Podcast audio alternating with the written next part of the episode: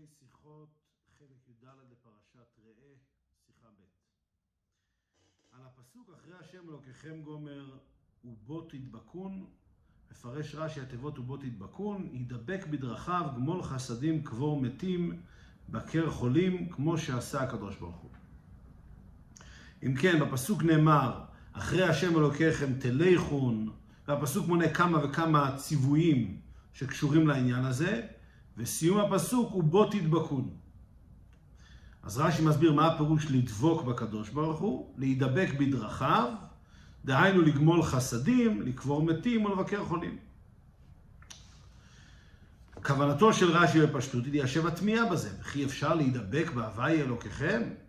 הוא מתרץ שפירוש הכתוב ידבק בדרכיו, כמו לחסדים וכולו, כמו שעשה הקדוש ברוך הוא, שעל ידי זה אתה דבוק בקדוש ברוך הוא. כלומר, בפשטות, רש"י בא לתרץ. איך אפשר להידבק בקדוש ברוך הוא? הרי מה, מה זה שייך בכלל להידבק אה, בבורא? והתירוץ הוא, מה הפירוש להידבק? הכוונה היא ללכת בדרכיו. להידבק בדרכיו. אז הרבי ישאל כאן כמה שאלות. וצריך להבין, א', עניין זה שעל אדם להידבק בקדוש ברוך הוא כבר נאמר קודם לכן בסוף פרשת עקב. ולדבקה בו, ועוד לפני זה הוא בו תדבק, ובכל זאת אין רש"י מסביר שם כפרשתנו שעניינו דבקות בדרכיו. אם אכן רש"י בא להסביר מה הפירוש ובו תדבק, שהרי אי אפשר להידבק בקדוש ברוך הוא, אז בשני הפעמים שהתורה כבר מצווה על הדבקות בהשם, אה, בסוף פרשת עקב ולדבקה בו, ולפני כן בפרשת עקב ובו תדבק, אה, היה צריך כבר רש"י שם להסביר שהכוונה היא להידבק בדרכיו. מה בפועל רש"י מסביר? על הפסוק ולדבקה בו פירש רש"י, אפשר לומר כן, והלא אש אוכלהו, להידבק בתלמד, בתלמידים ובחכמים. ומעלה אני עליכם כאילו נדבקת בו. ועל הפסוק את השם אלוקיך תירא אותו תעבוד ובו תדבק ובשמו תשבע, מפרש רש"י, את השם אלוקיך תירא ותעבוד לו ותדבק בו. ולאחר שיהיו בך כל המידות הללו, אז בשמו תשבע. אם כן, בשני הפעמים האחרות, רש"י מפרש משהו אחר לגמרי. בסוף פרשת עקב הוא מפרש, ובו תדבק, הכוונה היא להידבק בתלמידים, בתלמידים ובחכמים. והוא מסביר שם במפורש שהסיבה לכך שהוא בו תדבק, הכוונה היא להידבק בתלמידים ובחכמים, מכיוון שאי אפשר להידבק בשכינה, מכיוון שהוא אש אוכלהו. אז זה פירוש אחר לגמרי. ולפני כן, ובו תדבק, רש"י בכלל לא מפרש, הוא רק אומר ותדבק בו. אז כמובן שצריך להבין, מה, רש"י כאן מפרש משהו אחר לגמרי. אז אומר הרב, והנה מה שלא מפרש גבי ולדבקה בו, כמו שפירש בפרשתנו לדבק בדרכיו, יש לומר הטעם, כי זה נאמר בפירוש בפסוק זה, לפני ולפני ולדבקה בו, ללכת בכל דרכיו. ובפרט על פי פירוש רש"י, הוא רחום חולו, הוא גומל חסדים ואתה גומל חסדים. אבל בנוגע לאידך קרא דאובו תדבק השם, מאחר שהדבקות בקדוש ברוך הוא אי אפשר לפרש כפשוטו, ולכן הוא צריך רש"י לפרש עניינו בסוף פרשת עקב פרשתנו. אם כן, הבה לפרש זה, על ובו תדבק, הנאמר לפני פסוקים אלו. אם כן אומר הרב כך, זה שרש"י מפרש בסוף פרשת עקב על המילים ולדבקה בו, הוא מפרש שהכוונה היא לדבוק בתלמידי חכמים, זה מובן. למה הוא לא פירש שהכוונה היא לדבוק בדרכיו? כי שם אי אפשר לפרש שלדבקה בו זה לדבוק בדרכיו.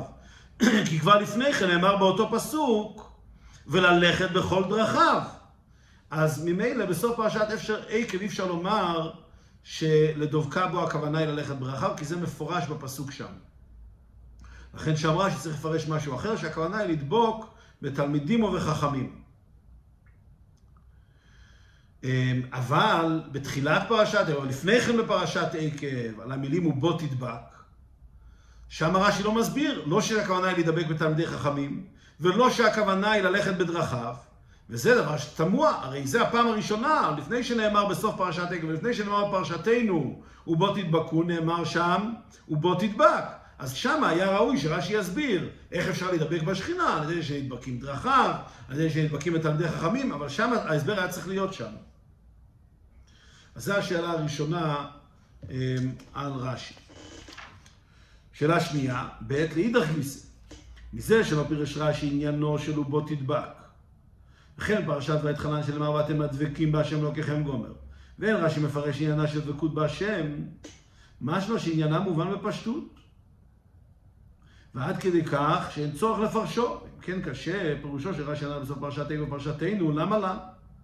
ואם הוא קרא פירוש פרשת ואתחנן חולו, אז למה לה? או מינה לה. אם זה פירוש אחר, אז מאיפה רש"י יודע את זה? ואם אינו כפירוש הנ"ל. אם כן, הרבי שואל כך. כבר אפילו לפני פרשת עקב, כן, יש לנו את הציווי של דביקה בקדוש ברוך הוא, יש לנו פעמיים פרשת עקב, פעם אחת בפרשתנו, וכבר לפני כן, פרשת ואתחנן, כתוב לשון דומה, ואתם הדבקים בהשם אלוקיכם חיים כולכם היום. גם שם רש"י לא מסביר מה הפירוש דבקים בהשם אלוקיכם.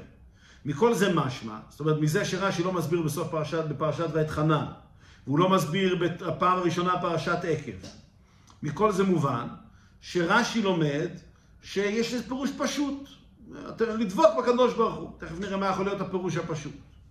אבל אם כן, שיש פירוש פשוט ולא צריך להסביר אותו, אז אחד מהשניים, אם הפירוש הפשוט הוא זה שרש"י מפרש כאן, ללכת בדרכיו, אז למה צריך ל... למה, ל... למה לרש"י לפרש את זה?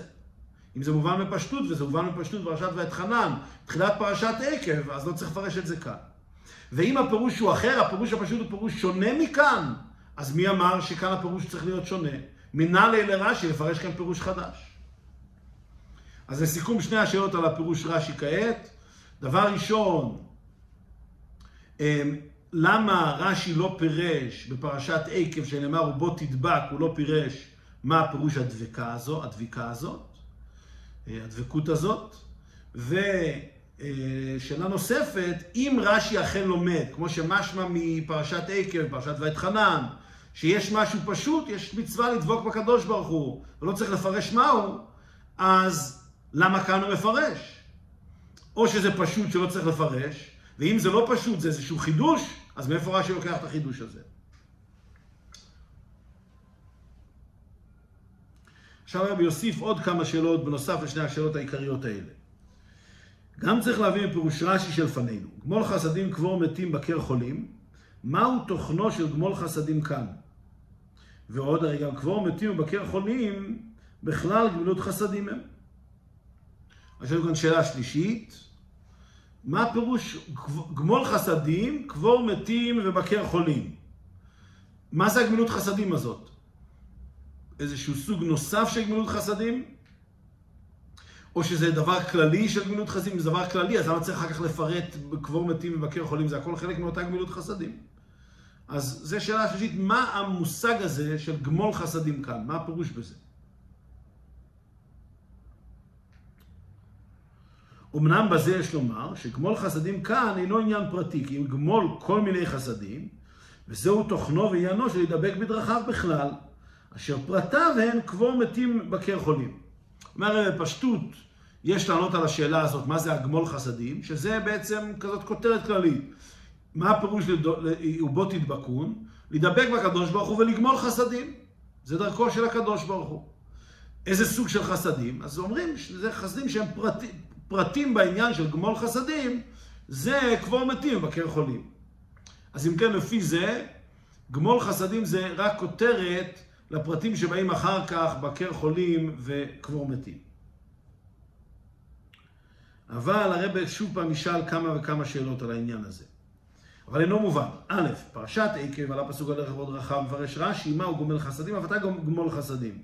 מבלי לפרט את הפרטים לקבורת מתים וביקור חולים. ומה נשתנה כאן פרשתנו?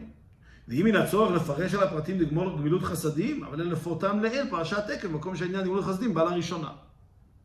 אז אם אכן נלמד שגמול חסדים זה אה, אה, כותרת כללית, עניין כללי, והפרטים שבו זה בין השאר אה, קבור מתים ובקר חולים, השאלה היא, הרי כבר רש"י מנה את הרעיון הזה של לגמול חסדים, על הפסוק ללכת בכל דרכיו, אומר רש"י, מה הוא גומל חסדים, אף אתה גמול חסדים, ושם רש"י לא, לא מוצא לנכון לפרט קבור מתים ובקר חולים. אז למה כאן, כשיש את אותו ציווי ללכת בדרכיו של הקדוש ברוך הוא ולגמול חסדים, רש"י דווקא פה מפרט שזה כולל קבורת מתים וביקור חולים.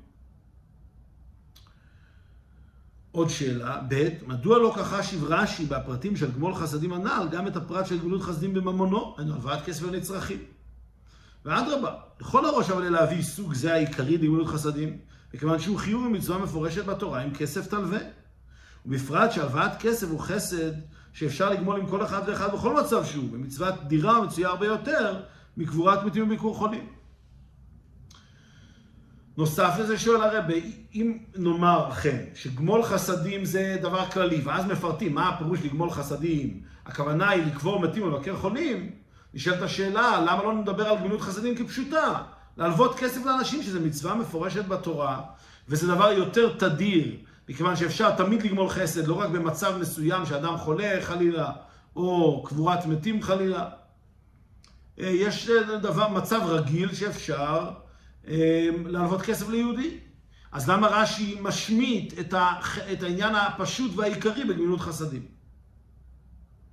ג' המקום לפירושו של רש"י הוא לכאורה מסכת סוטה, אבל פירוש רש"י הוא בשינוי והשמטות. לכאורה המקור זה בגמרא מסכת סוטה, אבל רש"י משנה ומשמיט דברים. בגמרא נדרש על תחילת הפסוק אחרי השם אלוקיכם תלכו, ללך אחר מידותיו. בפירוש רש"י מובא העניין של על סיום הפסוק בו תדבקון. הדברים האלה, הרעיון הזה של קבור מתים ובקר חולים מופיע בגמרא על הפסוק הזה, אבל לא על המילים ובו תדבקון, אלא על המילים אחרי השם אלוקיכם תלכו. מה זה תלכו? לך אחר מידותיו. אז אם כן, למה רש"י משנה מהגמרא ומביא את אותו עניין על המילים ובו תדבקון? נוסף לזה, בגמרא היית גם כן מה, הקדוש ברוך הוא מלביש ערומים, הקדוש ברוך הוא ניחם אבלים. ואילו רש"י פירושו אינו מביא בית עניינים אלו, הוא משמיט ניחום אבלים והלבשת ערומים. מה פתאום? למה רש"י משמיט את הדברים האלה שאפשר כביכול ללמוד מהקדוש ברוך הוא? והרי מוסף ביותר תמוה הדבר, כל אחד מבית העניינים נלמד בגמרא הנ"ל מפשוטו של מקרא מפורש, ושנאמרו לפני פרשתנו. הקדוש ברוך הוא מלביש ערומים, מה שנאמר, ויעש שם אלוקים לאדם ולאשתו, כותנות אור וילבישם. הקדוש ברוך הוא ניחם אבלים, מה דכתיב, ויהי אחרי מות אברהם, ויברך אלוקים את יצחק. רש"י שמיטה, אף שהוא בעצמו מפרש על הפסוק, ויברך אלוקים את יצחק, ניחמו תנחומי אבלים.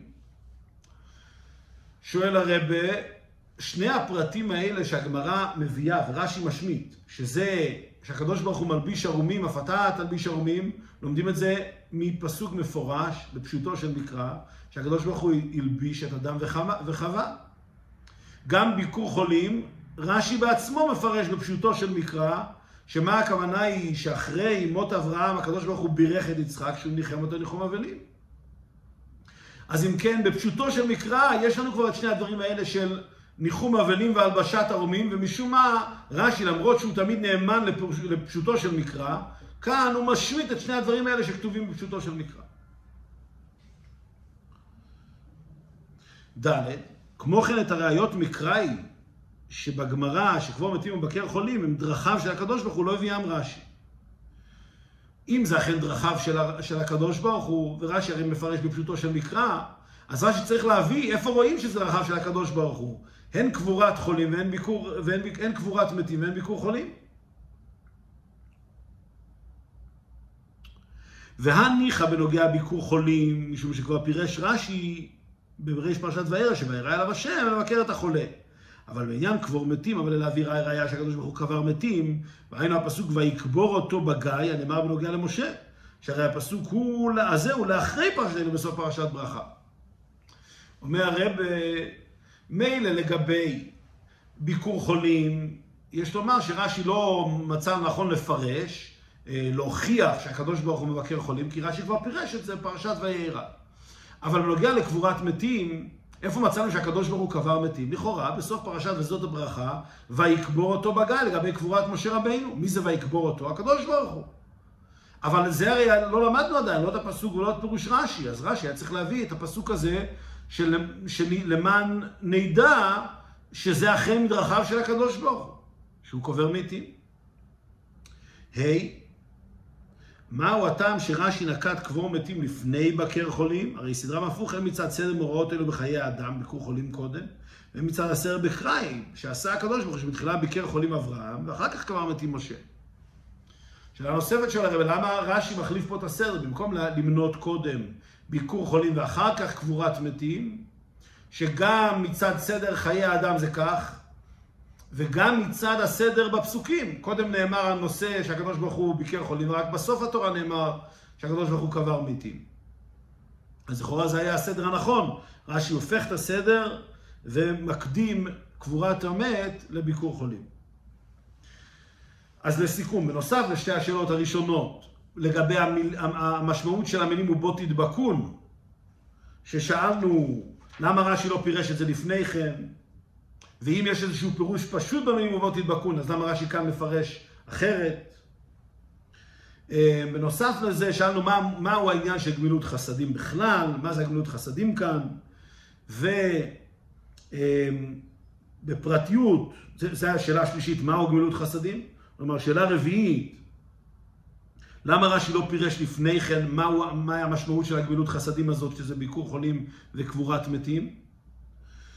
שאלה רביעית. שאלה חמישית שאלנו, למה רש"י משמיט את הפירוש הפשוט בגמילות חסדים, שזה להלוות כסף ליהודי? שאלה שישית, למה רש"י משנה מדברי הגמרא ומשמיט אה, עוד שני דברים, אה, שזה להלביש ערומים ולבקר חולים. סליחה, להלביש ערומים ולנחם אבלים, שזה רש"י משמיט, וגם רש"י לא מפרש את זה על סיום הפסוק ובו תדבקון, ולא על תחילת הפסוק ללכת בכל דרכיו, שזה אחרי השם לוקחם תלכון, שזה מה שנאמר בגמרא. ושאלה נוספת שאלנו, אה, למה רש"י לא מביא פסוק להוכיח שהקדוש ברוך הוא קבר מתים? ושאלה אחרונה, למה הוא משנה את הסדר של אה, ומקדים קבורת מתים לביקור חולים? והביאו בכל זה.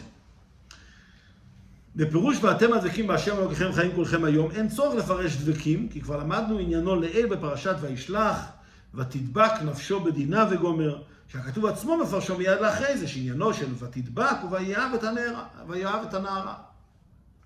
אומר הרב כאן תירוץ גאוני ופשוט. למה רש"י לא מפרש את המילים ובו תדבק ואתם הדבקים בהשם אלוהיכם חיים כולכם היום? בפשטות, כי התורה כבר פירשה את מהות הדביקה. מה זה הדבר הזה שדבקים במישהו? זה מפורש בפסוק.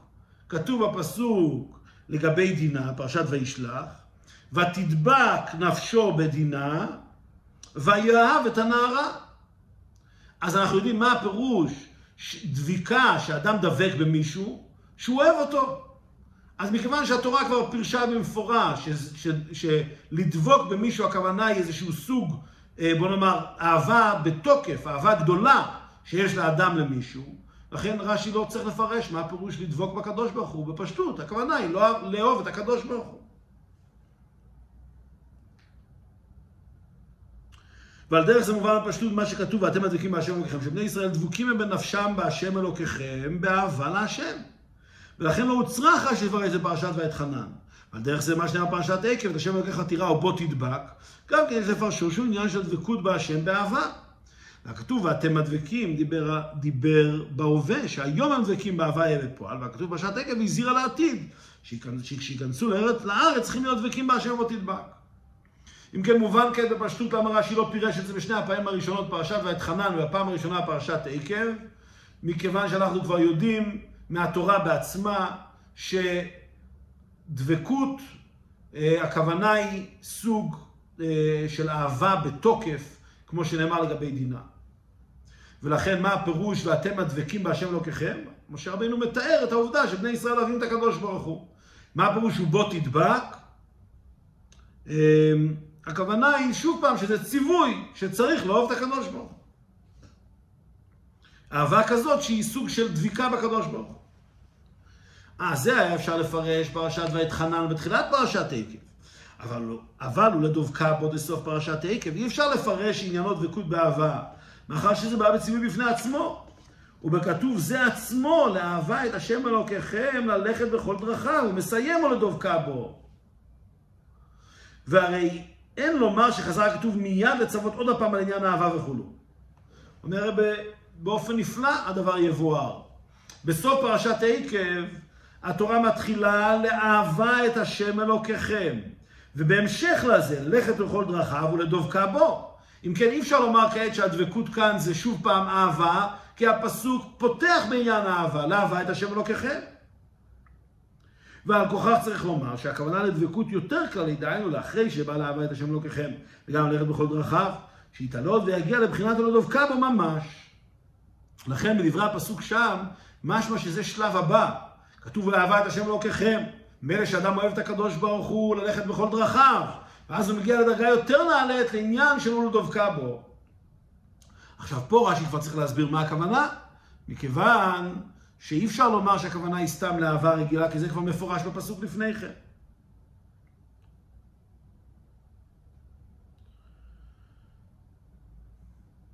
מכיוון שכן קשה לרש"י, אפשר לומר כן, והלא אש אוכלהו. הלוא איך אפשר לדבקה בו בדבקות שהיא למעלה מדבקות שעל ידי אהבה להשם, והלא אש אוכלהו. לכן צריך לפרש, דבק בתלמידים ובחכמים, ומעלה ענייניכם כאילו נדבקת בו. לכן רש"י אומר, מה הכוונה, או לדבקה בו שם? הרי אם לאהבה את השם, זה מובן, יהודי יכול לאהוב את הקדוש ברוך הוא, ללכת בכל דרכיו גם מובן. מה זה לדבקה בו? הרי אי אפשר ממש להידבק בשכינה. ולכן אומר רש"י, שכאשר אדם דבק בתלמידים ובחכמים, אז מעלה עליו הכתוב כאילו נדבק בשכינה ממש. זה נחשב כדביקה בהשם. אבל מובן למה רש"י שם לא יכול לפרש בפשוטו שלא דבקה בו הכוונה היא לאהוב את השם. עכשיו, מה בנוגע לפרשתנו? אז גם פה אותו עניין מבאר הרבה, והנה הפסוק בפרשתנו אחרי השם וקרם תלכו ובדידותיו תשמור ובו תדבקון, נאמר באמצע הפרשה הדנה בנביא שקר מסית ומדיח. כי יקום בקרבך נביא או חולם גומר, ובא עוד והמופת גומר לאמור נלכה אחרי אלוקים אחרים גומר ונעובדם. לא תשמע על דברי הנביא ההוא גומר, כי מנסה השם אלוקיכם אתכם לדעת, הישכם אוהבים את השם אלוקיכם בכל לבבכם ובכל נפשכם. אומר הרב, הפסוק כאן, אמנם לא נאמר בו לפני המילים ובו תדבקו, לא נאמר בו לאהבה את השם. אבל מיד לפני כן נאמר העניין של אהבת השם, באיזה הקשר? מדברים על עניין של נביא שקר, ושם נאמר, מנסה השם אלוקיכם אתכם לדעת הישכם אוהבים את השם אלוקיכם. זאת אומרת, כל המושג של נביא שקר זה ניסיון לדעת עד כמה בני ישראל אוהבים את השם. ומיד בהמשך לאהבה הזאת, הפסוק אומר, אחרי השם לכם תלכון, וכולו וכולו, בוא תדבקון. אז שוב פעם, התדבקון כאן לא יכול להתפרש כאהבה להשם, מכיוון שכל ההקשר של הפסוק, הכל כאן דנו כבר באהבת השם. כל העניין של הנביא כאן זה להוכיח שאנחנו אכן אוהבים את השם. מכיוון שאנחנו אוהבים את השם, אז אחרי השם אלוקים תלכון, ובוא תדבקון, זה צריך להיות דבר שבא בהמשך למה שנאמר לפני כן, שהישכם אוהבים את השם אלוקיכם. שמדובר כאן על יהודים שלא נכשלו בעניין הזה של הנביא, נביא השקר, ולכן הם אוהבים את השם, ובהמשך לזה אומרים להם, ובוא תדבקו. אפשר לומר כעת, ולכן הפסוק אחרי השם אלוקיכם תלכו. הבא מיד אחרי הפסוקים הנ"ל, מובן שתוכנו לשלול ולסתור את דברי הנביא השקר שהוא אמר, נלכה אחרי אלוקים האחרים גומר ונעובדם. הנה לעומת זה הזהירה התורה, כי אחרי השם, השם אלוהיכם תלכו ואותו תעבודו. אבל מה שהוסיף הכתוב בסיום הדברים ובו תדבקון, אינו מובן מהו עניינה של דבקות זו. כי הלוא אי אפשר לפרש כבכתובים הכתובים, הקודמים כדלהלן. אז קודם כל אומר הרבה, אמ, בואו נבין את ההקשר של הפסוק. מדברים על נביא שקר. אומרים שהנביא מגיע לדעת, הישכם אוהבים, לנסות אתכם, הישכם אוהבים את השם אלוקיכם בכל לבבכם ובכל נפשכם. אז אנחנו לא נפנה אחרי הנביא ההוא, אלא אדרבה, להפך. אחרי השם אלוקיכם תלכון, ואותו תעבודו, ובו תדבקון, זה, זה אה, הצד השני, יהודי שעובד את השם ולא אה, נוטה אחרי דברי נביא השקר. עכשיו, המילים כאן, ובוא תדבקון, אחרי שנאמר, אחרי השם כן תלכו, ואת יוצאיו תשמורו, וכולי וכולי, נאמר בסיום העניין, ובוא תדבקון, זה כבר לא יכול להיות אהבת השם, כפי שהרבי יסביר כעת. למה? א', אין לומר שהכוונה לזה דבקות הנפש באהבה כפרשת ואת חנן, כי הכוונה הכללית בזה שהקדוש ברוך הוא נותן ממשלה לנביא השקר לעשות אות, מפורשת היא בפרשה, הפסוק שלפני זה, לדעת הישכם אוהבים את השם אלוקיכם רבו. זאת אומרת שאהבת השם היא תכלית ועיקר של כל העניין המדובר כאן. ואיך ייתכן שחזר כתוב להזהיר עליה בתור פרט אחד? הרי זה עתה סיפרנו את כל העניין של, העניין של נביא שקר. וכל המשמעות של זה זה בשביל לדעת הישכם אוהבים את השם אלוקיכם. אז כפי שאמרנו, כעת אנחנו אומרים, אלא כאן, כאן הרי לא תקשיבו, לא תשמעו על דברי הנביא ההוא, אלא אחרי השם אלוקיכם תלכו. אז כבר אין מקום להגיד שנאהב את הקדוש ברוך הוא, כי הרי מדובר כאן על זה שהוא כבר הוכיח את עצמו שהוא אוהב את הקדוש ברוך הוא. הוא אותו אחד שהקדוש ברוך הוא ניסה אותו, והוא הוכיח שהוא אוהב את השם בכל לבוא ובכל נפשו. אנחנו מדברים עליו. אנחנו אומרים לו, אתה אל תשמע דברי הנביא, אלא תעשה כך וכך. אז אם כן מובן כבר שמדובר פה על יהודי שאוהב את השם, אז אי אפשר לומר שכאן התכלית של כל הדבר הזה זה שוב פעם, ובוא תדבקון לאהוב את השם. זה הרי כבר, כל, זה הרי כבר תחילת כל העניין הזה, הוא מדבר ביהודי שאוהב את השם. שלכן הוא לא שווה על דברי הנביא. ועוד בפסוק זה עצמו באה אזהרה מפורשת, ואת מצוותיו תשמור, ובוודאי בכלל של מצוותיו ומצוות אהבת השם. דבר נוסף, היות והפסוק הזה מפורש, אחד מששת הפרטים המפורטים בפסוק כאן, זה ואת מצוותיו תשמורו, מצוותיו תשמורו זה כולל גם אהבת השם. אז ודאי שמדובר כאן על יהודי א', שהוא לא שמע על דברי הנביא, אם כן, ברור שהוא כבר הוכיח אה, שהוא אוהב את השם. הוא גם מדובר על יהודי שהולך בדרכיו ושומר את כל מצוותיו, שזה כולל גם את מצוות אהבת השם. ולכן אין מקום לסיים את הפסוק הזה במילים ובו תדבקון שוב פעם בעניין של אהבת השם. אז לכן אי אפשר לומר שהפסוק בפרשתנו ובו תדבקון זה כמו פרשת ואתחנן בתחילת פרשת עקב, שהכוונה היא לאהבת השם. ב', וכן קשה לפרש שהדבקות פרשה זו פירושו דבקות תלמידים, תלמידים וחכמים. כבסוף פרשת עקב. מכיוון שהפסוק כאן מונה והולך כמה עניינים, ובסדר של מעלים בקודש מילוי אחר עילוי. אז אם כן, למה לא נאמר, אולי הפירוש שבו תדבקון כאן זה כמו בסוף פרשת עקב, שהכוונה היא לדבוק בתלמידים ובחכמים? אומר הרב, אי אפשר לומר כן. למה? כי הרי כאן, יש כאן מהלך שהוא עולה מחיל אל חיל. מתחילים אחרי השם אלוקיכם תלכו, ואותו תעבודו, צוותיו תשמורו, ורק בסיום מגיעים לאובו תדבקון.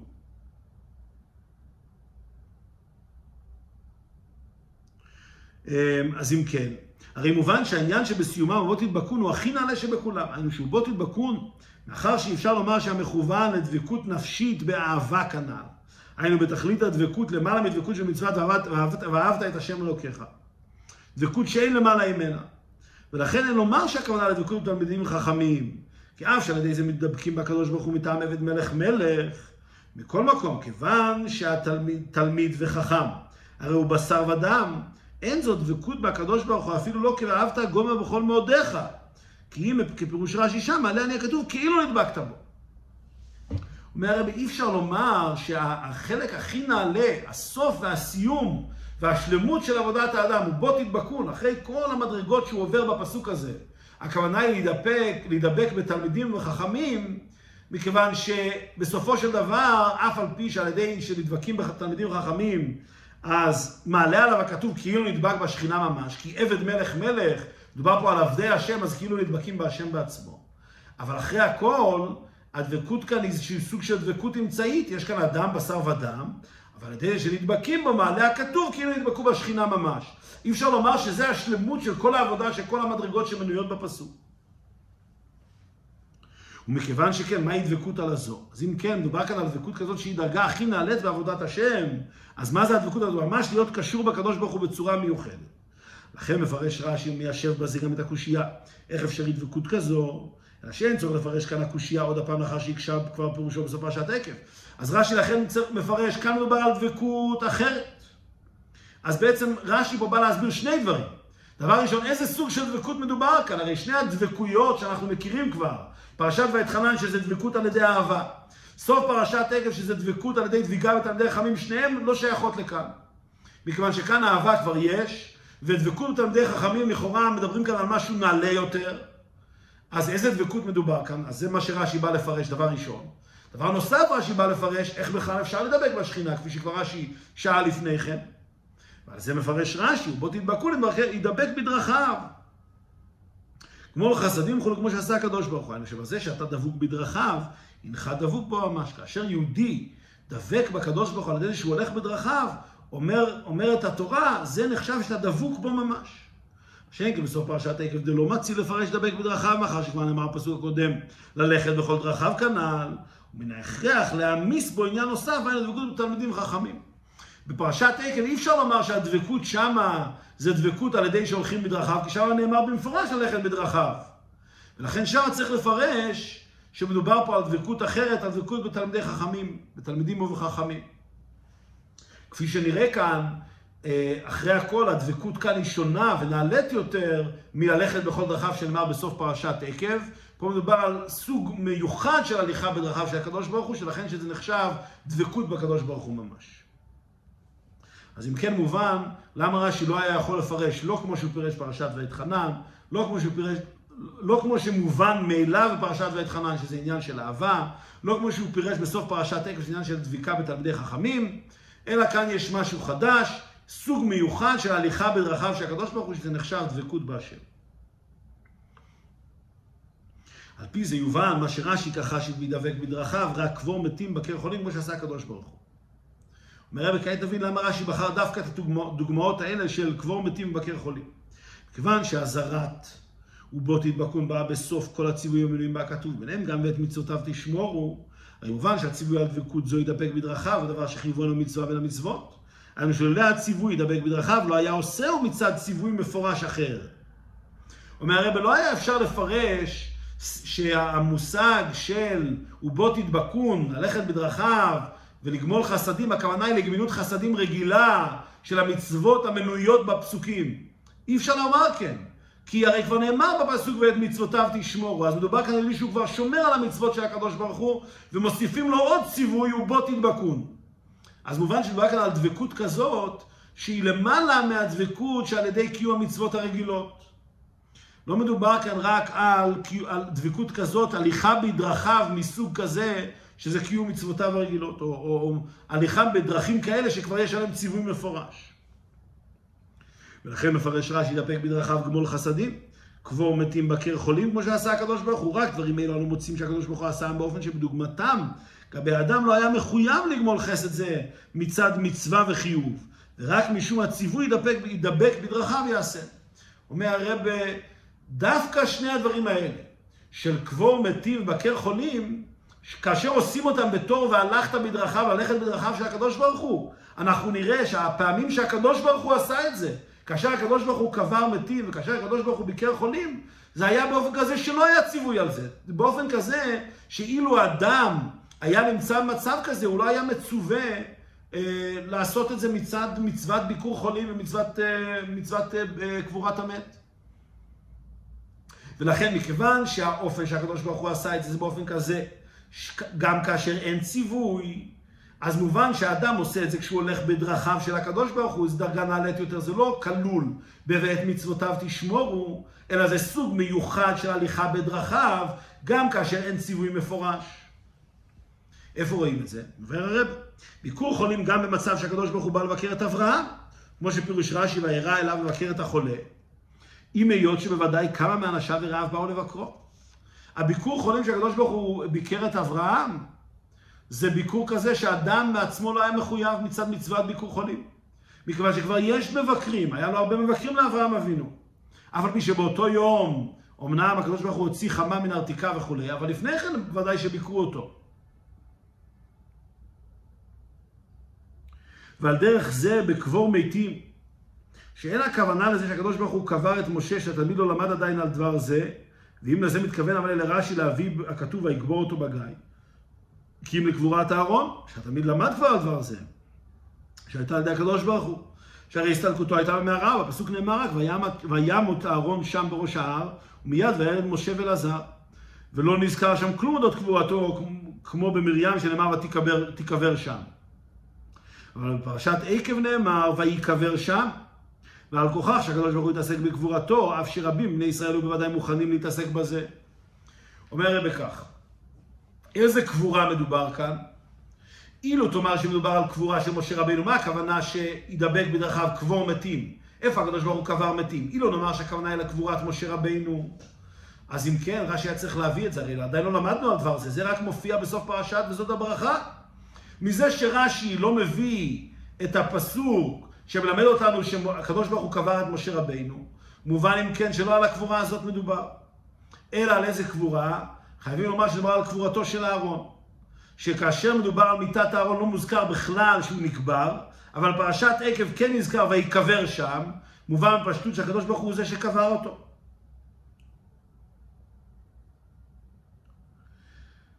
אמ, וכפי שהרבא מוכיח, כי נאמר שם שאהרון מת ומיד אחר כך וירד משה ואלעזר. לא משמע שמשה ואלעזר התעסקו בקבורה שלו, כי, כי זה היה צריך לציין את זה. שם נאמר וימות, מיד אחרי שהוא מת הם ירדו. אז מי קבר אותו? מובן שהקדוש ברוך הוא קבר אותו.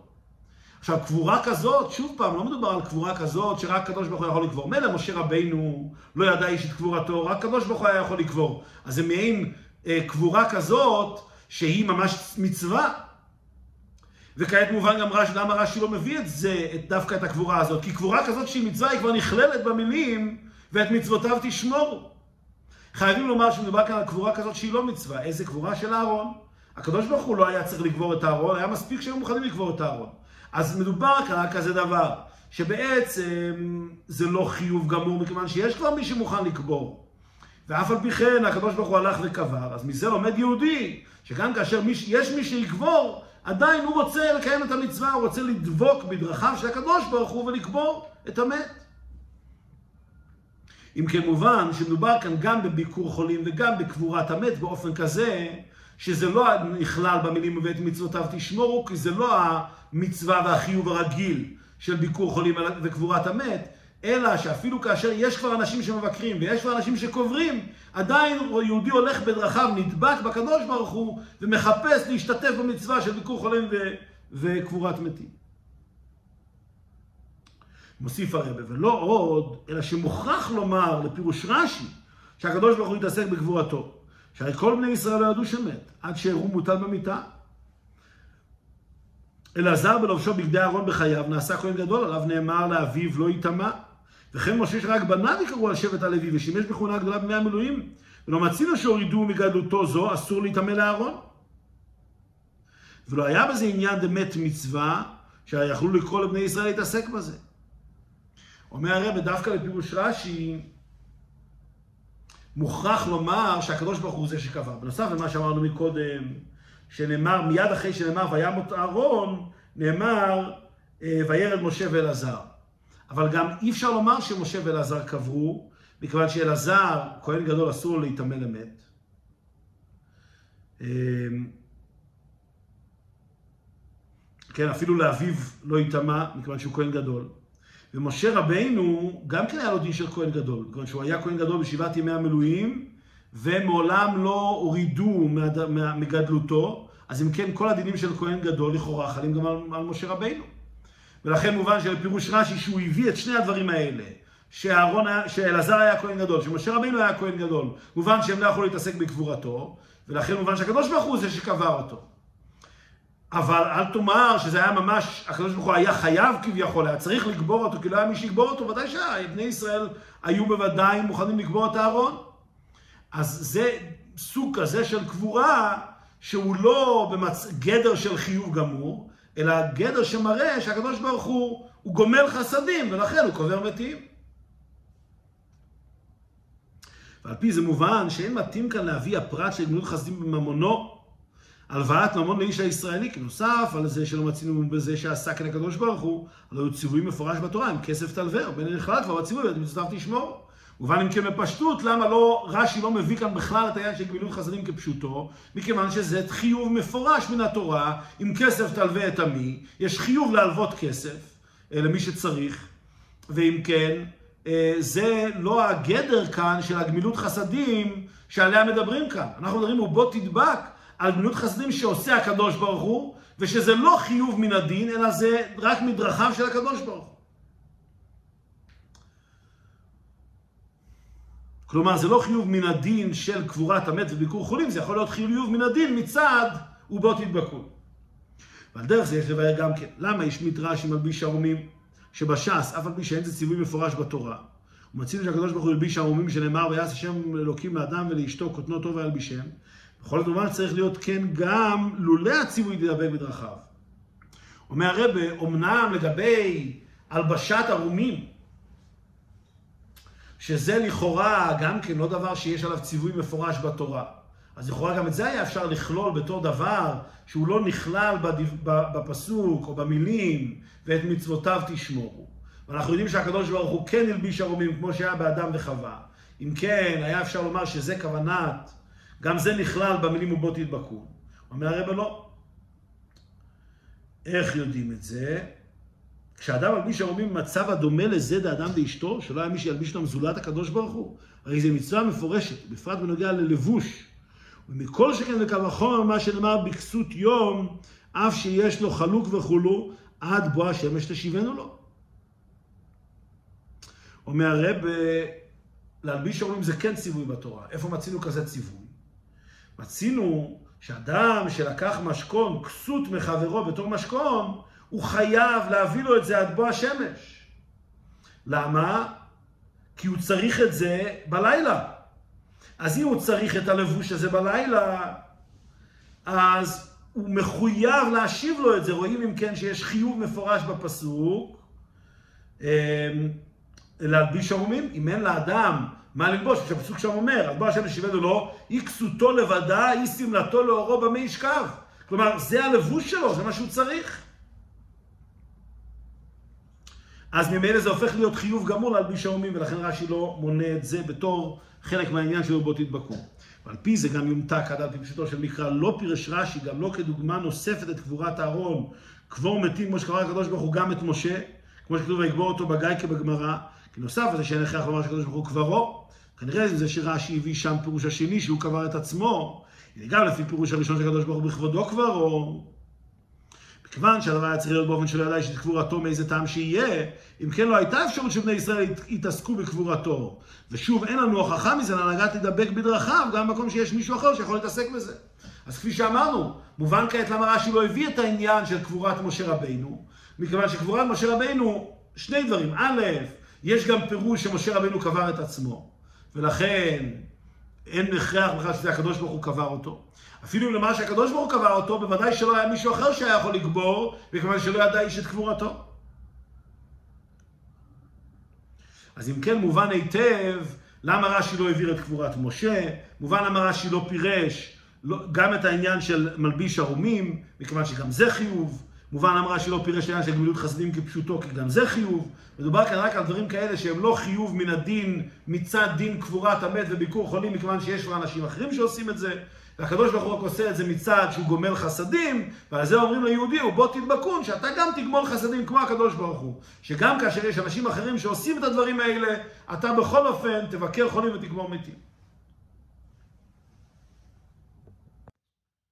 ממשיך הרב כאן בעוד זין, ומעתה יתבהר גם טעמו של רש"י, שדווקא פרשתנו צריך לפרש עניינים דגמול חסדים, מה שאין כן בסוף פרשת עקב והפסוק הלכת בכל דרכיו. שמפרש הוא רחום ואתה תרחום, הוא גומל חסדים ואתה גמול חסדים, מבלי לבאר פרטיו של גמול חסדים. אפשר להבין עוד דבר. כפי שאמרנו, רש"י, כשהוא מפרש בפרשת עקב, על הפסוק הלכת בכל דרכיו, הוא כותב גם שצריך להיות רחום, הוא רחום, אתה תהיה רחום, הוא גומל חסדים, אתה תהיה גומל חסדים. שם רש"י לא מפרש מהי עניינה של אותה גמילות חסדים. מבאר הרב ללכת בכל דרכיו בסוף פרשת עקב. נאמר בהמשך, וכפירוש להתחלת העניין, כי אם שמור תשמרו לכל המצווה הזאת אשר אנוכי מצווה אתכם לעשותה. הוא מבאר ומפרש, לאהבה את השם אלוקיך, ללכת בכל דרכיו גומר.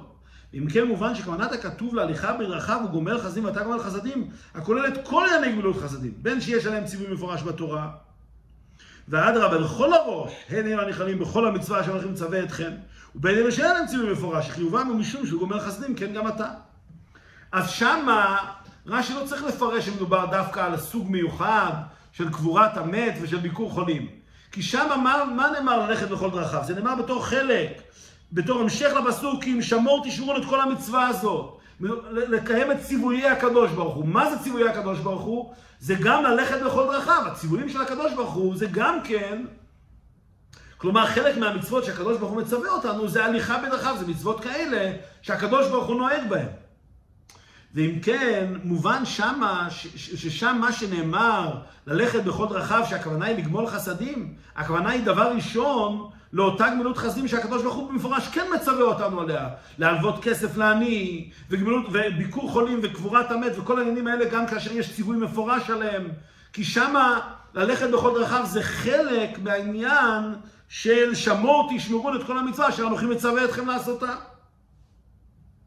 מה שאין כן פרשתנו, הרי הזרה הזאת, דאובו תדבקון, באה לאחרי שכבר נצטוו ללכת בכל דרכיו, וגומל חסדים ואתה גומל חסדים. ועוד בפסוק זה כבר נאמר ואת מצוותיו תשמור, ולא כהקדמה לסיום הכתוב ובוא תדבקון, כן פרט בפני עצמו. הרי מובן שאין מדובר כאן בכל ענייני גמח, ולכן צריך רש"י לפרשן ולפרטן. מה שאין כן כאן, אי אפשר לומר שמדובר על גמילות חסדים כפשוטה, או על גמילות חסדים שהיא אה, כאשר יש ציווי מפורש על זה. מכיוון שכבר, נצ... קודם כל נצטווינו כבר ללכת בכל דרכיו, אז יש כבר את הציווי על זה, פרשת עקב. נוסף לזה, הפסוק הזה כבר נאמר ואת מצוותיו תשמורו. ולא כמו שמה בפרשת עקב שנאמר באופן כללי, שמור תשמרו לו את כל המצווה ואז מפרטים ללכת בכל דרכיו. שמה ללכת בכל דרכיו זה המשך ופירוט של העניין של ואת מצוותיו תשמור, לשמור את המצוות.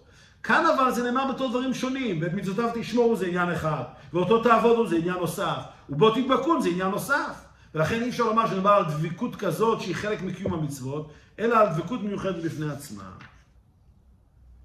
ולכן רש"י כאן דווקא מפרט. והנה, מכיוון שעניינם של גמול חסדים גבור מתים ובקר חולים כאן, הינם באופן שאין על האדם לעשותם מחמת מצווה וחיוב, אלא רק משום שהקדוש ברוך הוא עושה כך, ועל האדם להידפק בדרכיו. לכן הכתם רש"י דווקא בסדר הזה קבור מתים ואחר כך בקר חולים, אף שבעשיית הקדוש ברוך הוא וגם בסדר המורות בחיי האדם הם בסדר הפוך כנ"ל. אומר רבי, כעת נבין למה רש"י שינה את הסדר. מכיוון שכאן מדובר על סוג מיוחד של דבקות בקדוש ברוך הוא, שעל ידי זה שמקיימים את הדברים האלה, את החסדים האלה, גם כאשר אין ציווי מפורש על זה, ולכן זה צריך להגיע דווקא בסדר הזה של קודם לגבור מתים ואחר כך לבקר חולים. למה? קבור מתים, עניין טרחה ויגיעה, אבל אין בזה חשש שהאדם יוזק על ידי זה. מה שאין כן ביקור חולים, טרחה ויגיעה, אבל מועטת מהנעל, אבל מקום לחשש שהמבקר יוזק ממחלתו של חברו. ולכן מביאו בסדר לקבור מתים ואחר כך בקר חולים. מהקל לכבד, וכנ"ל שהכתוב מונה עילוי אחר עילוי. אז אומר הרב, בכל אחד מהפרטים האלה יש, יש קושי שאין בה השני. בקבורת המת יש קושי שזה עבודה קשה, צריך לקבור את המת, לחפור לו קבר וכולי וכולי, יש גם יגיעה גדולה. אה, אבל אין בזה סכנה. לעומת זאת, ביקור חולים, אין יגיעה כל כך גדולה, אבל יש בזה יותר חשש סכנה, אדם עלול להידבק במחלה. ולכן אומרים קבור מתים, שזה דבר שיש בו יגיעה, אבל אין בו סכנה, ועוד יותר מזה בקר חולים. מכיוון שאנחנו גם הולכים בסדר של מן הקל לכבד, גם בפסוק עצמו מן הקל לכבד, אז גם בדוגמאות שרש"י מביא, הוא הולך מן הקל לכבד. ועל פי זה יובן מה שלא הובא ברש"י גם נחם אבנים כמו שעשה הקדוש ברוך הוא, כמו שכתוב, ויחי מות אברהם ויברך אלוקים את יצחק. כנוסף על זה שרש"י הביא שם פירוש שני, שמזה מוכרח שעל פי פשוטו מקרא ישנו קושי בהפירוש נחמות תחומי אבלים. מובן לו במכל שכן וקל וחום, בשני הדברים, לקבור מתים ובקר חולים. בינתיים מתורץ לנו גם. למה רש"י לא מביא את העניין של נחם אבלים? מכיוון שדבר ראשון, זה לא מוכרח שהקדוש ברוך הוא אכן ניחם אבלים. אמנם לפי פירוש אחד ברש"י, הקדוש ברוך הוא בירך את יצחק בזה שהוא ניחמו בניחום אבלים, אבל יש גם פירוש אחר שרש"י מביאו, ולכן זה לא מוכרח בפשוטו של מקרא. אבל ועוד והוא העיקר, זה כבר כלול, רש"י, רש"י מביא כאן דווקא דברים כאלה שהם קשים. לכן הרב מדגיש, אפילו קבורת המת זה דבר שיש בו יגיעה. וכל שכן ביקור חולים שיש בו אפילו סכנה. ולכן, מדובר, אחרי שמובן דברים כאלה, מובן כבר שזה כולל גם דברים שהם קלים יותר, כמו ניחום אבלים.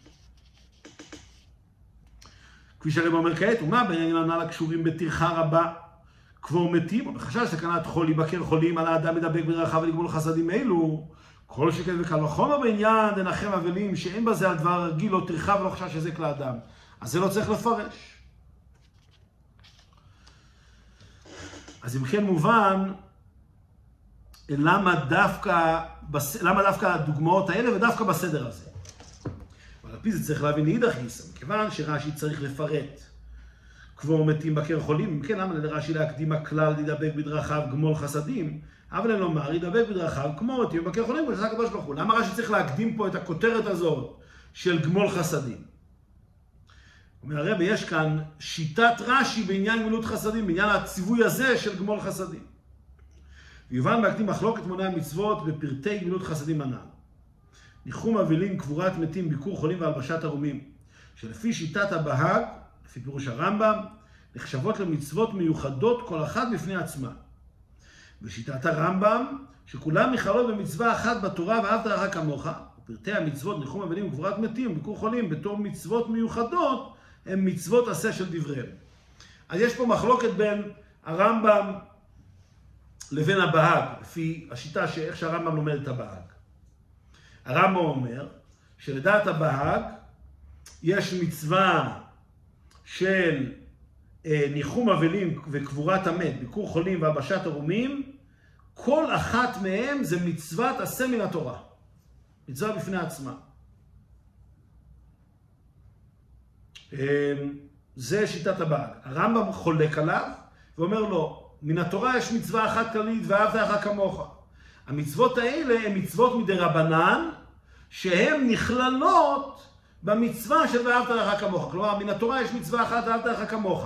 כתוצאה מהמצווה הזאת, חכמים ציוו אותנו במצוות פרטיות של ביקור חולים, ולקבור אה, מתים, להלביש ערומים ולנחם אבלים. עכשיו, מהי שיטת רש"י בעניין? אומר הרב, מדברי רש"י כאן, מובן שלרש"י יש שליטה שלישית בעניין. והנה בזה שרש"י מקדים, ידבק בדרכיו גמול חסדים, ואחר כך מפרט כמו מתים בקר חולים, הרי הוא מלמדנו דרך אגב, שיטתו שונה בעניין זה. מזה נלמד כבר שיש לרש"י שיטה אחרת, ולכן הוא מקדים גמול חסדים, ואחר כך קבור מתים בקר חולים. מהי שיטת רש"י? כיוון שזה שעל האדם להידבק בדרכיו למדינון, מה שכתוב הודעת עליהם את הדרך ילכו בה. ילכו זה ביקור חולים, בה זה קבורה. כל מצווה מלימוד מיוחד, שזה שיטתו של הרמב"ם בדעת הבהג. וגם לא מבהלכת בדרכיו דרכיו, שהיא לשון רבים, אמ, שזה אה, דעת הבהג לשיטת הרמב"ם, כפי שהרמב"ם מציין פה בהערות. אז הרמב"ם אומר ככה, לימוד המצוות האלה אפשר ללמוד את זה מבעודת עליהם את הדרך ילכו בה. שילכו לומדים מזה ביקור חולים, ובה זה קבורה. או מבהלכת בדרכיו. אז יש מקורות אחרים ללמוד. רש"י אומר לו, לומדים את זה מיובות תדבקון, אה, ומזה לומדים גמילות חסדים, שזה כולל גם, אה, גם קבורת המת וגם ביקור חולים. אז רש"י לא לומד מאותו פסוק, מאותם פסוקים שהבהג לומד את המצוות האלה, אלא מפסוק אחר, גם לא מדברי הרמב"ם כמובן, ואהבת לך כמוך, אלא לומד את זה מפסוק אחר, ובו תדבקון. ולומדים את זה, ובו תדבקון, שאין מודגש בזה רמז לעניינים רבים. אמ, הדרך ילכו בה, אז יש כאן כמה פרטים. והלכת בדרכיו, זה גם כמה פרטים, כי זה דרכיו לשון רבים. ובו תדבקון, משהו איזשהו דבר אחד, יש כאן איזשהו עניין כללי שכולל, שכולל כמה פרטים, שיכול לכלול כמה פרטים. אבל מדובר כאן על דבר אחד, ולכן אי אפשר ללמוד כאן מצוות שונות, מפורשות, כמו הבהג שעומד אה, קבורת המת בתור מצווה בפני עצמה, ביקור חולים בתור מצווה בפני עצמה. לא, יש כאן איזושהי מצ, מצווה אחת ובו תדבקון, שהיא כוללת כמה דברים. אם כן, רק הוכח שמצווה נלמדת מזה לדבק בדרכיו שהוא עניין אחד, כמו לחסדים, אלא שכלול מהפרטים לקבור מתאים בבקר חולים. היינו לא כדעת הבהג, לפי פירוש הרמב"ם, שהן מצוות מיוחדות בעניין המצוות, וגם לא כדעת הרמב"ם עצמו, שהן מצוות פרטיות של דבריהם, ומדאורייתא למה למצוות עשה אחת ואהבת רק כמוך, כי אם שמצוות עשה אחת היא גמילות חסדים ובו תדבקון, המתחלקת לכמה מצוות עשה פרטיים כמו מתאים בקר חולים. אומר בראשיתת רש"י שונה מהבהג ושונה מהרמב"ם. לדעת הרמב"ם, יש מצווה אחת מן התורה ואהבת כמוך. המצווה של ביקור חולים וקבורת המת זה מצוות מדי רבנן. לדעת הבהג, להפך, זה מצוות מדאורייתא, כל אחת מצווה נמנית כמצווה בפני עצמה, חלק מתרי"ג מצוות. לדעת הבהג. לדעת רש"י, זה כן מצווה מן התורה, לא כדעת הרמב"ם, זה מצווה מן התורה, והיא נכללת במילים ובו תדבקון. מה זה הבו תדבקון הזה? זה גמילות חסדים. יש מצווה מן התורה לגמול חסדים. איזה סוג של גמילות חסדים? קבורת מתים וביקור חולים. אם כן, אי אפשר, זה לא כדעת הרמב"ם, הרמב"ם שזה מצוות מדי רבנן שמיוסדות על איזה מצווה מן התורה. לא, זה מצווה מן התורה. המצווה שלו בו תדבקון, שזה מצוות גמילות חסדים וסוג מיוחד של גמילות חסדים, שזה כולל קבורת המת וביקור חולים. אז זה כן מצווה מן התורה, אבל זה לא שני מצוות פרטיות, כל אחת מצווה בפני עצמה, אלא הן כולן נכללות בעניין של גמילות חסדים. שזה לכאורה כולל גם את אה, העניין של הלבשת ערומין, אה, הקופונים באופנים מסוימים, כש, כשזה לא ממש חיוב גמור, וגם את העניין של אה, ניחום אבלים. אבל הרעיון הוא שזה כן מצווה מן התורה, אבל זה מצווה כזאת, מצוות כאלה שהן נכללות במצווה של גמילות חסדים שנאמר מהפסוק ובו תדבקון. אז אם כן מובן למה רש"י פותח במילים גמול חסדים, מכיוון שבזה רש"י מבאר את שיטתו, שהמצוות האלה הן מצוות מן התורה שנכללות בגמילות חסדים שנלמדת מהפסוק ובו תדבקון. אם כן, לפי זה, נחזור חזרה ונראה שכל השאלות שהקשינו בהתחלה, הכל תורץ היטב.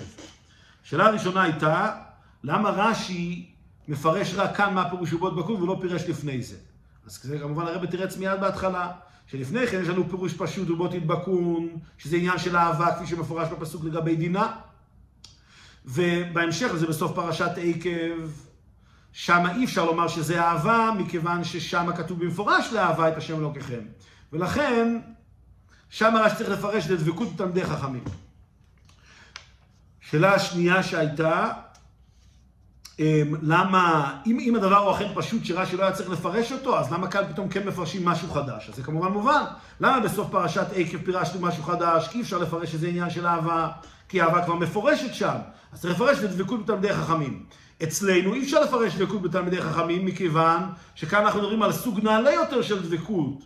אמ, זה צריך להיות דבקות ממש בקדוש ברוך הוא בעצמו, ולכן צריך לפרש פירוש נוסף. שאלה נוספת, שאלנו מה העניין הזה של הגמילות חסדים של כאן, אז הסברנו כאן מדובר על סוג מיוחד של גמילות חסדים, דבר כזה שהוא לא כלול בתור מצווה, במצווה של גמילות חסדים, או בחיובים שיש לנו מן התורה, אלא סוג מיוחד של חיוב לדמות בדרכיו של הקדוש ברוך הוא. זה הגדר של הגמילות חסדים ש, שמוזכרת כאן, בדברי רש"י. שאלנו, אה, למה רש"י לא מפרש את, את הפרטים האלה של קבורת מתים וגמול חסדים בגמילות חסדים שמופיע כבר לפני כן. הרי ללכת בכל דרכיו כבר רש"י פירש שהכוונה היא גמילות חסדים. למה רש"י לא מפרש את זה כאן, שם? התשובה היא פשוטה, כאן מדובר על סוג מיוחד של גמילות חסדים. שם מדובר על גמילות חסדים גם כאשר, גם ובעיקר כאשר זה מצווה מן התורה. כאן מדובר על גמילות חסדים שאין עליה ציווי בפני עצמו, והיא רק נלמדת מזה שנאמר, אה, ובו תדבקו. אז גם לזה תורץ היטב. שאלנו למה רש"י לא מפרש גמילות חסדים כפשוטו, להלוות כסף, אז גם זה תורץ, כי לא מדובר כאן כזאת גמילות חסדים, פה מדובר על גמילות חסדים שהיא מיוחדת ונלמדת מהפסוק ובו תדבקון, שגם כאשר אין חיוב מצד המצוות האחרות, כי הרי כבר נאמר, ואת מצוותיו תשמורו, גם כאשר אין חיוב, עדיין מצד הדבקות בקדוש ברוך הוא, יש סוג מיוחד של גמילות חסדים, ולכן זה לא כולל את הגמילות חסדים של הלוואת כסף. מובן גם רש"י, למה רש"י השמיט את הדוגמאות במסכת סוטה, גם העניין של להלביש ערומים שזה חיוב גמור, וגם העניין של ניחום אבלים שאפשר ללמוד את זה בקל וחומר כפי שהרבא אמר. אה, ונוסף לזה גם, זה לא בהכרח שיש לנו דוגמה שהקדוש ברוך הוא עשה עניין של ניחום אבלים, כי זה רק, רק לפירוש רש"י אחד. ולכן, ולכן רש"י משמיט את שני הדברים האלה. מובן גם למה רש"י לומד את זה מסוף הפסוק ובו תדבקון, ולא מתחילת הפסוק כפי שהגמרא אומרת, אחרי השם לוקחם תלכו. מכיוון שרש"י מדבר כאן על סוג מיוחד של דבקות בקדוש ברוך הוא, גם כאשר אין חיוב מיוחד. והדבקות המיוחדת הזאת דווקא נלמדת מהמילים ובו תדבקון. אז בזה תורץ גם השאלה הזאת. תורץ גם השאלה אה, למה רש"י לא מביא את הפסוק של ויקבור אותו בגיא שנאמר לגבי משה רבינו, כפי שהרבא אמר, בכלל מדובר, לא מדובר על קבורת משה, קבורת משה זה קבורת המת באופן רגיל, שעל זה, בזה לא, הפסוק לא עוסק, הפסוק עוסק בקבורת אהרון, שהיא הייתה יכולה לעשות על ידי אנשים אחרים, ואף על פי כן הקדוש ברוך הוא קבר, שזה סוג מיוחד של גמילות חסדים, גם כאשר אין אה, חיוב מן הדין לעשות את זה, מדין קבורת המת, ולכן רש"י לא מפרש את העניין הזה של קבורת משה, אלא מרמז על קבורת אהרון, שזה כבר, התלמיד כבר למד, למדנו על זה כבר בפסוקים, ולכן רש"י לא צריך להביא את הפסוק על זה. והשאלה האחרונה ששאלנו, למה רש"י משנה את הסדר? אז זה כבר תירצנו, מכיוון שרש"י הולך כאן מן הקל לכבד כסדר הפסוק, וביקור חולים זה דבר שיכול להיות יותר קשה אה, מקבורת המת.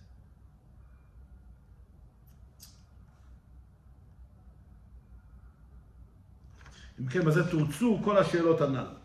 מסיים הרב מעיינה של תורה של פירוש רש"י, מכיוון שציווי זה שעל האדם מדבק בדרכיו לעשות, כמו שהקדוש ברוך הוא, כמו שעשה הקדוש ברוך הוא.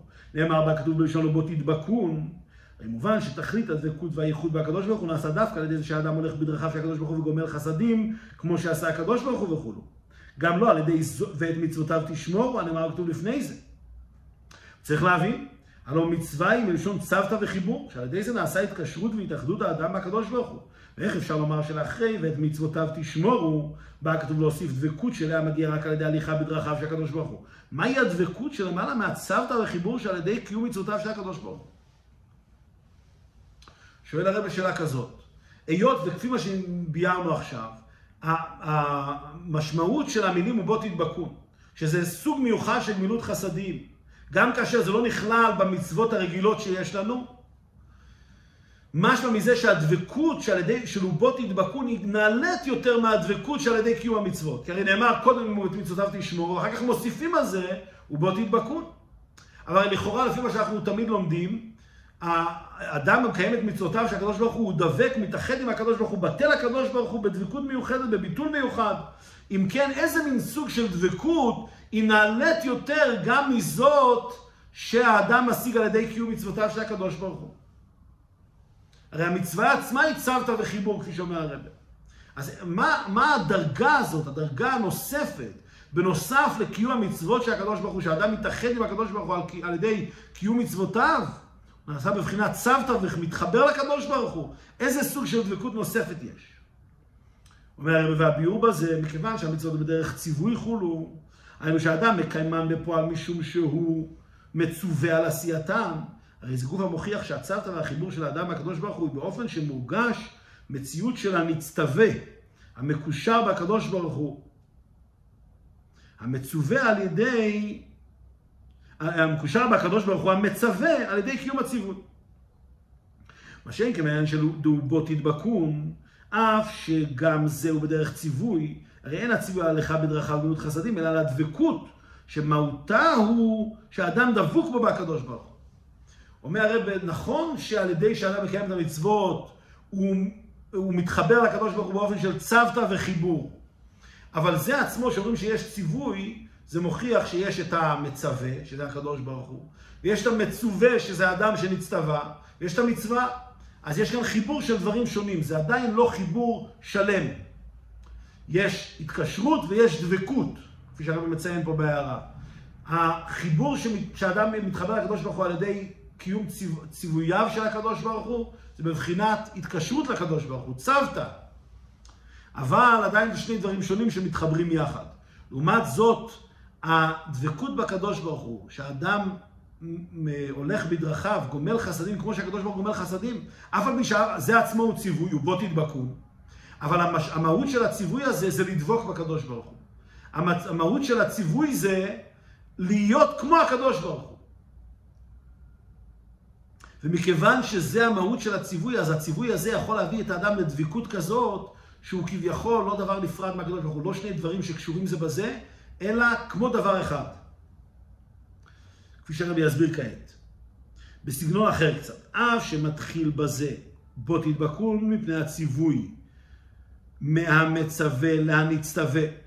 הקיום והשלמות על ידי שהנצטווה נדבק במצווה. כי בעצם הרבי בא כאן להסביר, לכאורה הרי ובו תדבקון זה גם ציווי.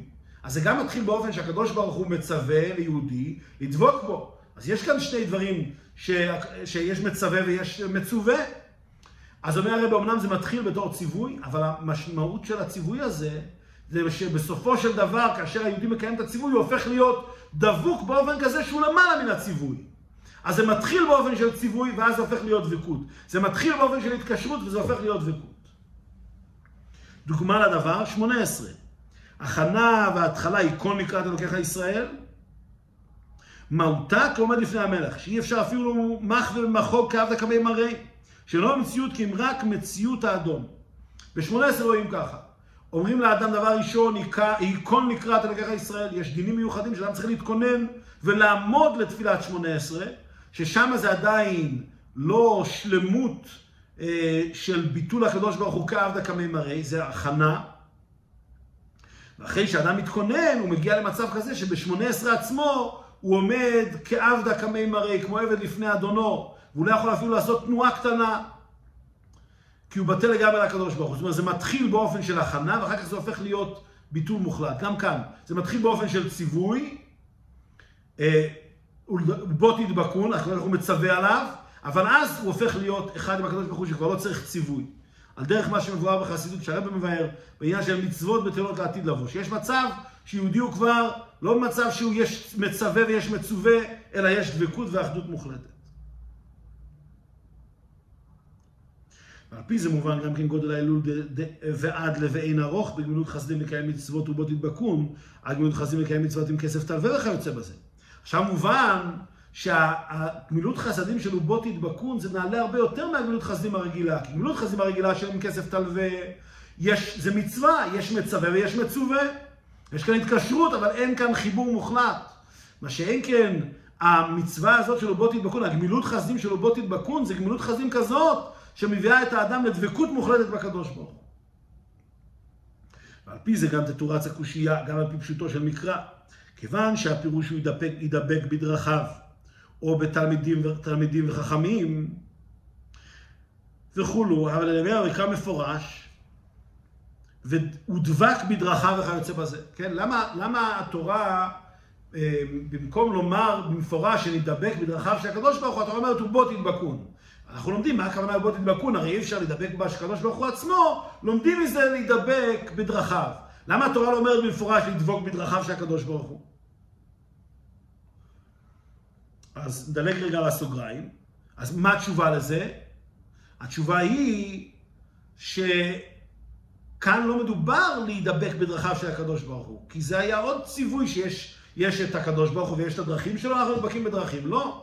אנחנו מדברים כאן על כזה סוג של, של אה, גמילות חסדים, שאדם מרגיש כאילו הוא מאוחד עם הקדוש ברוך הוא, ולכן לא אומרים לו, ידבק בדרכיו, אומרים לו, בוא תדבק. כי זה סוג מיוחד של, של גמילות חסדים שאדם מקיים בתור זה שהוא מרגיש מאוחד עם הקדוש ברוך הוא. זו התשובה לשאלה הזאת. כעת הרב מוסיף, להעיר בה מסופר עוד אדמו"ר הזקן שכל הנהגותיו היו בדוגמה של מעלה ממש, ולכן בערב שבת קודש לעת ערב היה מתנמנם מעצמו. לפי שאז הוא זמן שינה למעלה. מה שאין כן רבי הלל מפריץ' שלא היה מתנמנם מעצמו, אלא ששכב לישון. הוא צריך גילג שלופנו. משום שאז הוא זמן שינה למעלה. אומר הרב, רואים את ההבדל, על דרך זה רואים ברעיון שמצינו ביחס לאדמו"ר הזקן ורבי הלל מפריץ'. אדמו"ר הזקן, בערב שבת, היה מתנמנם, היה מתנמנם מעצמו. אמ, למה היה מתאמנה מעצמו? מבואר, מכיוון שהעניין של ערב שבת יש מושג כזה של שינה למעלה כביכול, ולכן גם למטה, אדם כזה שהוא דבק בקדוש ברוך הוא לגמרי, בדרך ממילא זה פועל אצלו לנמנם. מה שאין רבי לל פייצ'ר, הוא היה הולך לישון. כלומר, היה בדרגה כזאת שבדרך ממילא, מכיוון שיש שינה למעלה, אז זה פועל עליו גם כן. הוא היה צריך להשכיב את עצמו לישון, מכיוון שעדיין הוא לא במצב כזה של דבקות כזאת, שזה קורה בדרך ממילא. ממש מה שהרבי כאן רוצה להביא את זה בתור דוגמה להבדל בין קיום מצווה, שהאדם אמנם עושה, מקיים את המצווה, אבל עדיין אין כאן דבקות מוחלטת, לבין הקיום המצווה באופן של ובו תדבקון, שזה כאילו בדרך ממילא קורה, מכיוון שהאדם הוא בביטול מוחלט לקדוש ברוך הוא. כעת הוא מסיים הרב הוא כמו שהעניין הוא מלמעלה, מלמטה למעלה, מישראל הקדוש ברוך הוא, שנאמר על זה, הווה יצילכו.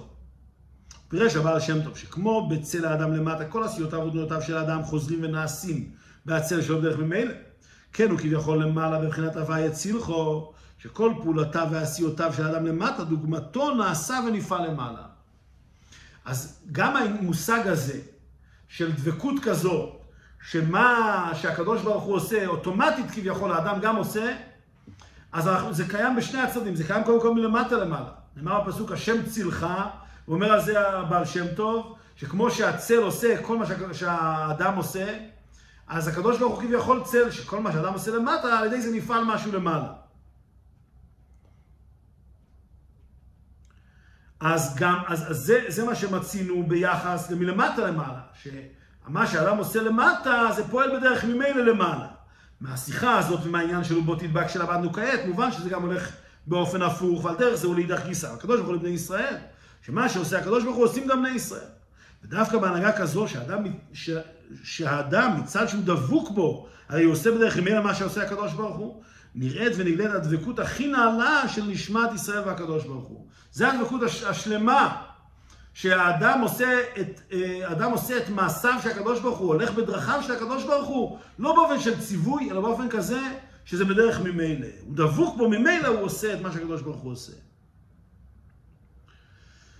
שהרי הנשמה היא חלק אלוקה ממעלה ממש, וכאשר אדם דבוק בדרכיו ועושה כאן למטה מה שהקדוש ברוך הוא עושה למעלה, הרי בזה בא על ידי גילוי דבקות ישראל והקדוש ברוך הוא, שישראל ואורייתא וקדוש ברוך הוא כול אחת. עכשיו, הדבקות הזאת קיימת בכל אופן, מכיוון שישראל ואורייתא ישראל ואורייתא וקודש ברוך הוא כול אחת, והנשמה היא חלק אלוקה ממעלה ממש, ממילא ברור שהנשמה היא בכל אופן דבוקה בקדוש ברוך הוא. אבל איך זה מתגלה? איפה מתגלה הדבקות, שלמות הדבקות הזאת, שיש בין הנשמה לקדוש ברוך הוא, כאשר יהודי הולך בדרכיו של הקדוש ברוך הוא באופן שמה שהקדוש ברוך הוא עושה בדרך ממילא הוא גם רוצה לעשות. בעניין זה נאמר בתורה הוראה לכל אחד ואחד מישראל, וזה גוף הנתינת כל כל אחד ואחד מישראל להגיע למדרגה הזאת. זה שהתורה מצווה אותנו על זה, זה אומר שזה גם הוראה לכל אחד ואחד מישראל שיתעסק בעניין הזה של ובו תדבקון, וזה גם נתינת כוח לכל אחד ואחד מישראל שבאמת יוכל להידבק בקדוש ברוך הוא.